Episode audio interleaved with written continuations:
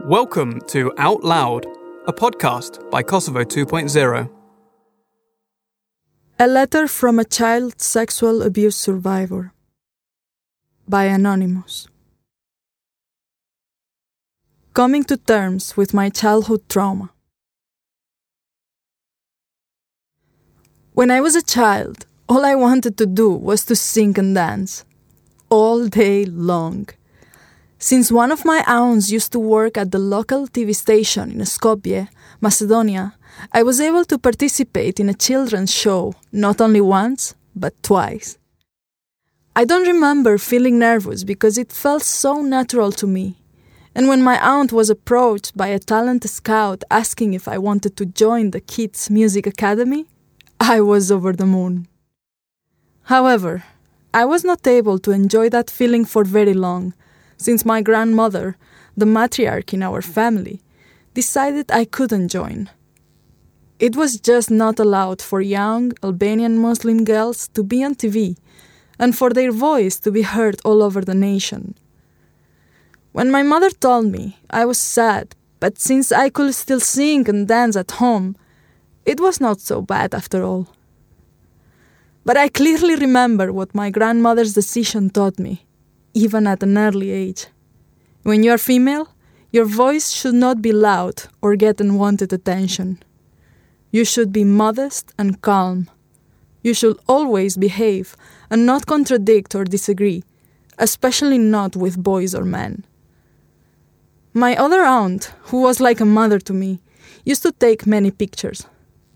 Now, as an adult, I'm happy that I have material proof of those happy, carefree times. One of the pale pictures shows me and my sister sitting on the low wall which differentiated the courtyard from the garden.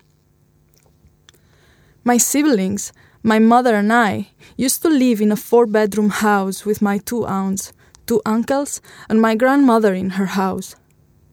That is all we could afford in Skopje in the 90s. But as a child, it never crossed my mind that this was a very mother's way of living. My father was already living and working in Switzerland and supporting us financially. We had everything we needed food, shelter, always someone to look after us, and a huge garden bearing delicious vegetables and fruit. Our house was in the midst of a densely built district known for its Albanian and Bosnian population. Everyone around us was either a relative or people who had become close to being relatives because our families had known each other for decades. It was a close knit community of people who shared many things together, who laughed and cried together, who took care of each other and each other's children. Our family was closest to my grandmother's brother, who lived in a nearby house with his wives, one daughter, and three sons. My grandmother's brother, I will call him Enver, was the biggest patriarch anyone in our neighborhood had ever seen. After his first marriage only gave him daughters, he remarried and had three sons. He lived in a huge house with his two wives and children. Although Enver always worked hard to provide for his family, he was also greatly taken care of by all. I vividly remember how everyone stood up when he entered the room, greeting him and his presence with the utmost respect. Enver was older than my grandmother, so he was a figure of authority. His sons were taken care of in the same way as Enver. They had the respect of others, even when they were small. Even though there was room to live outside the rules, with fun and laughter, craziness and playfulness, in my community, people like Enver could never be questioned, at least not in the open. When he entered the room, you had to stand up and greet him. If you didn't, you'd be in trouble for disrespecting him. When he said that women had no say on an issue in the neighborhood, everyone just agreed. My grandmother's word was the most powerful in our house, and she said that Enver had to be listened to. I assume my grandmother had internalized this kind of thinking for a long time, and after her husband died, she had to turn to the man who was closest to her, her older brother. The degree of the patriarchal laws varied between families or communities, but the Albanian culture was, and to a great extent still is, a culture that is deeply rooted in patriarchal structures and rules.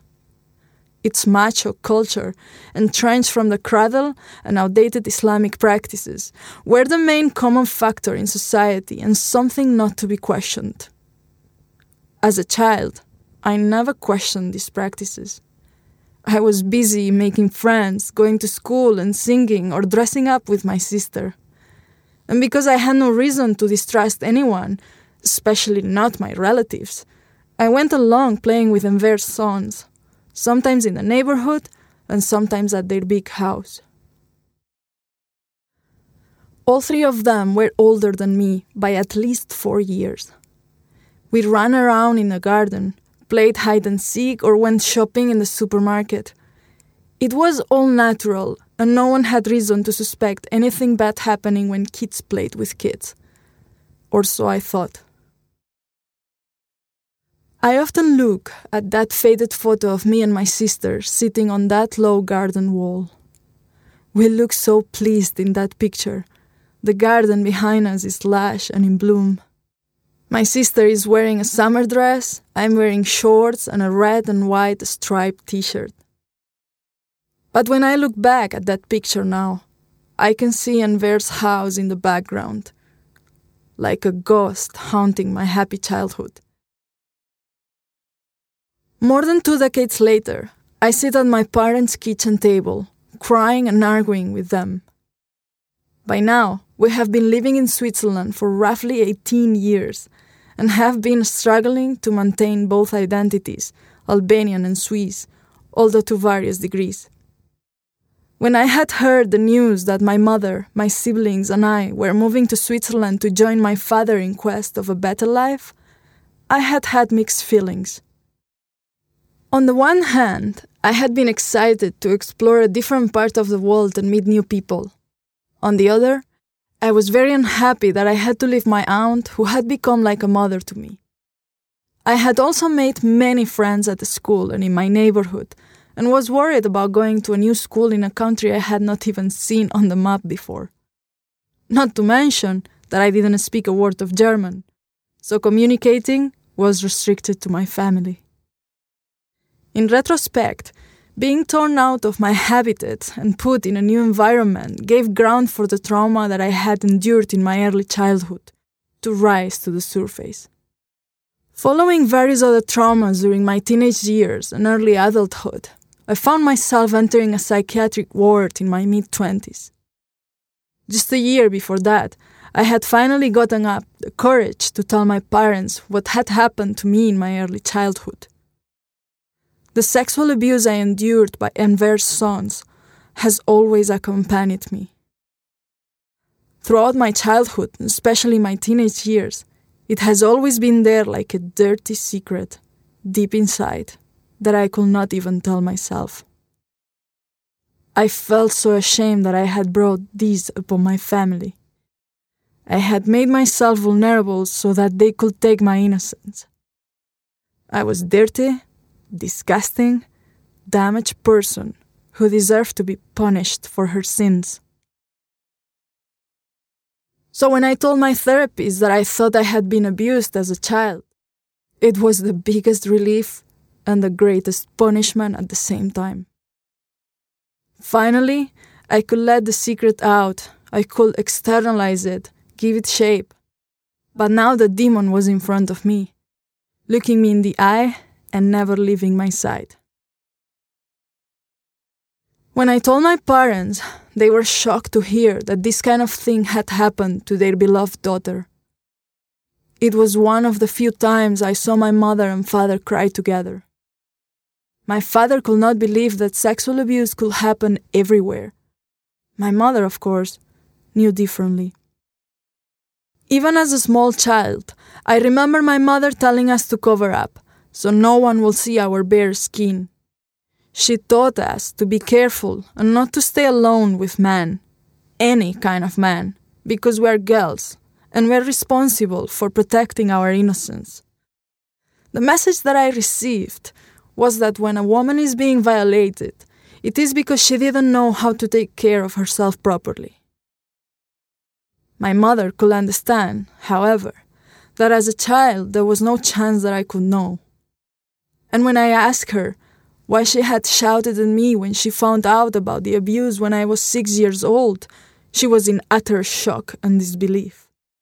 She said she never remembered having punished me in any way.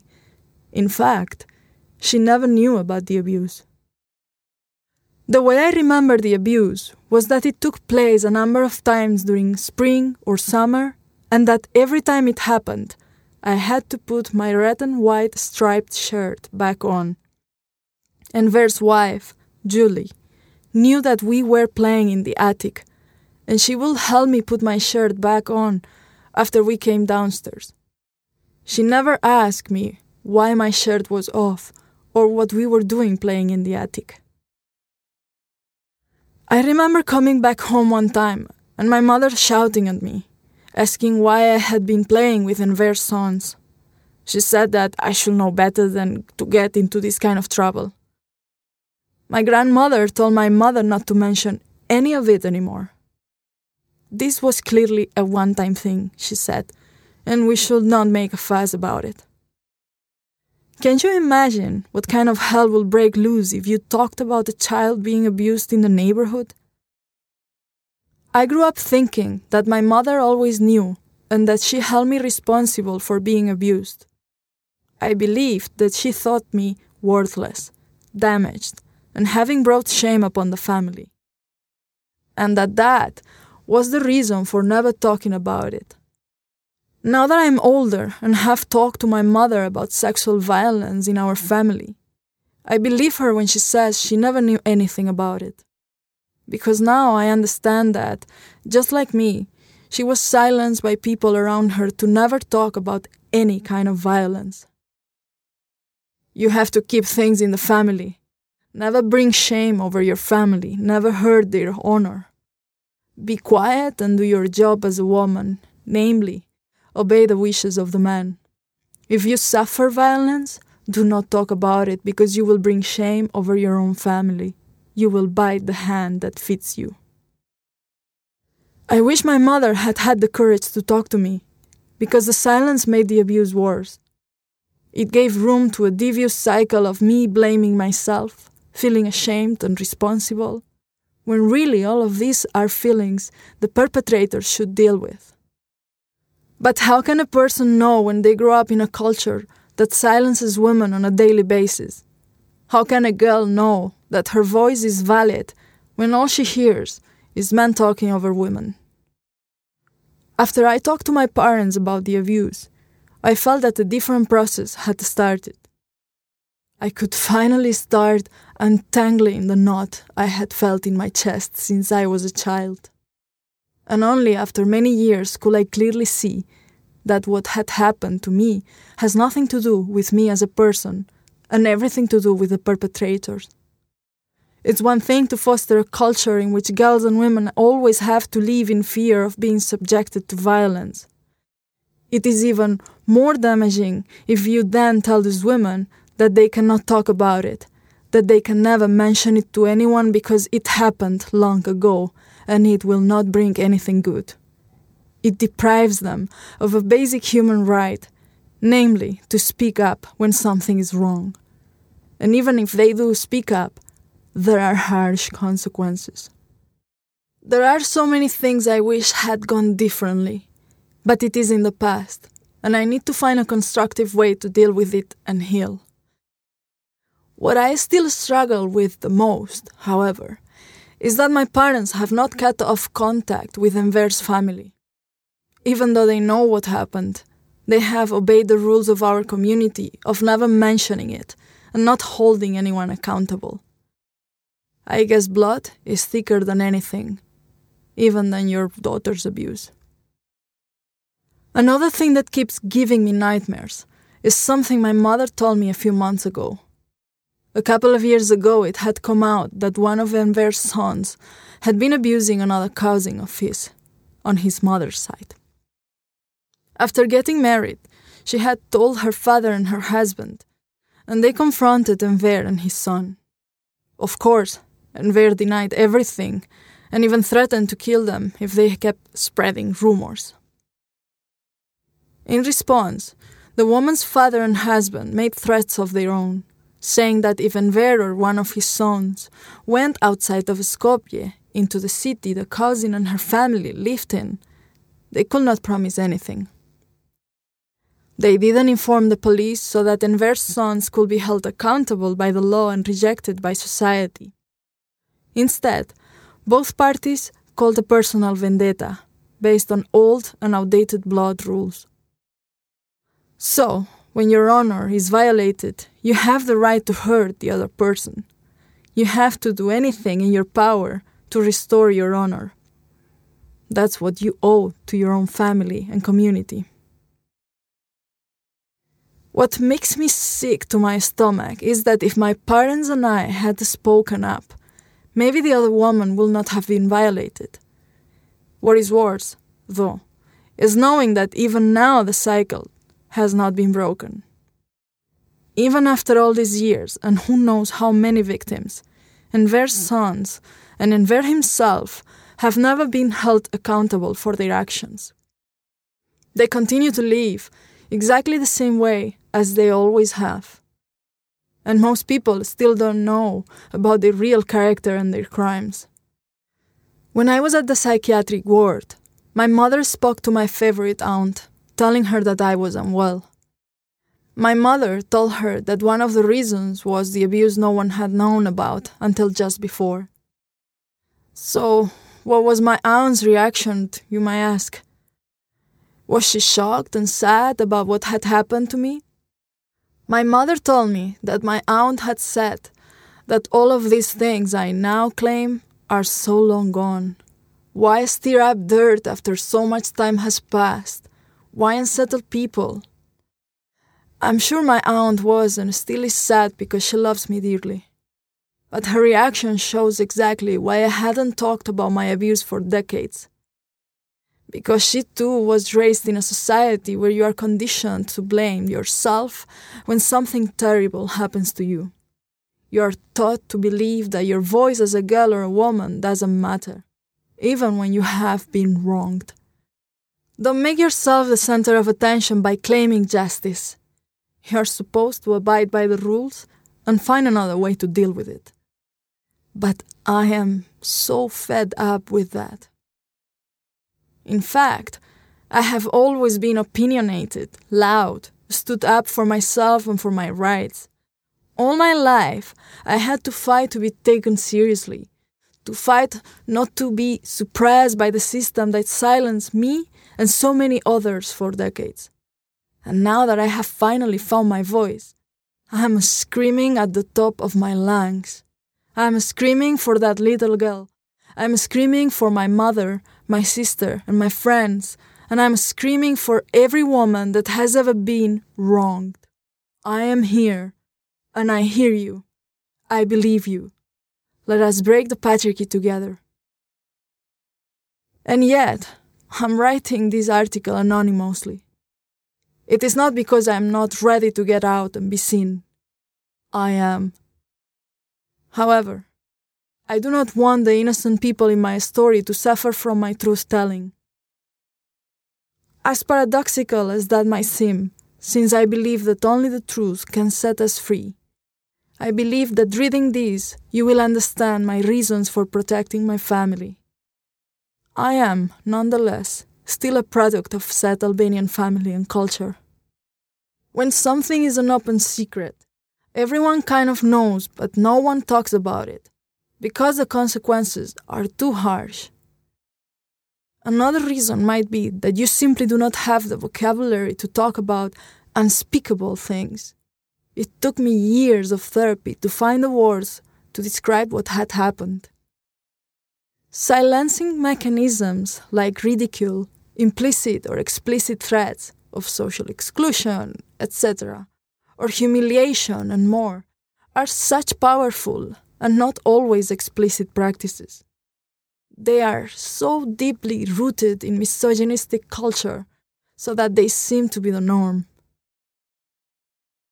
Now that more and more women are finding their voice, we're challenging this culture. We're coming together as one powerful force, destroying the patriarchy that nearly destroyed us. So don't give up.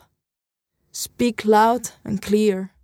And if there is only one lesson you take from my experience, then let it be that healing can only start when the truth is out in the open. All names in this story have been changed at the request of the author. To listen to all of our podcasts, subscribe to Kosovo 2.0 in Apple Podcasts, Google Podcasts, or your favourite podcast app. Find more stories at www.kosovo2.0.com.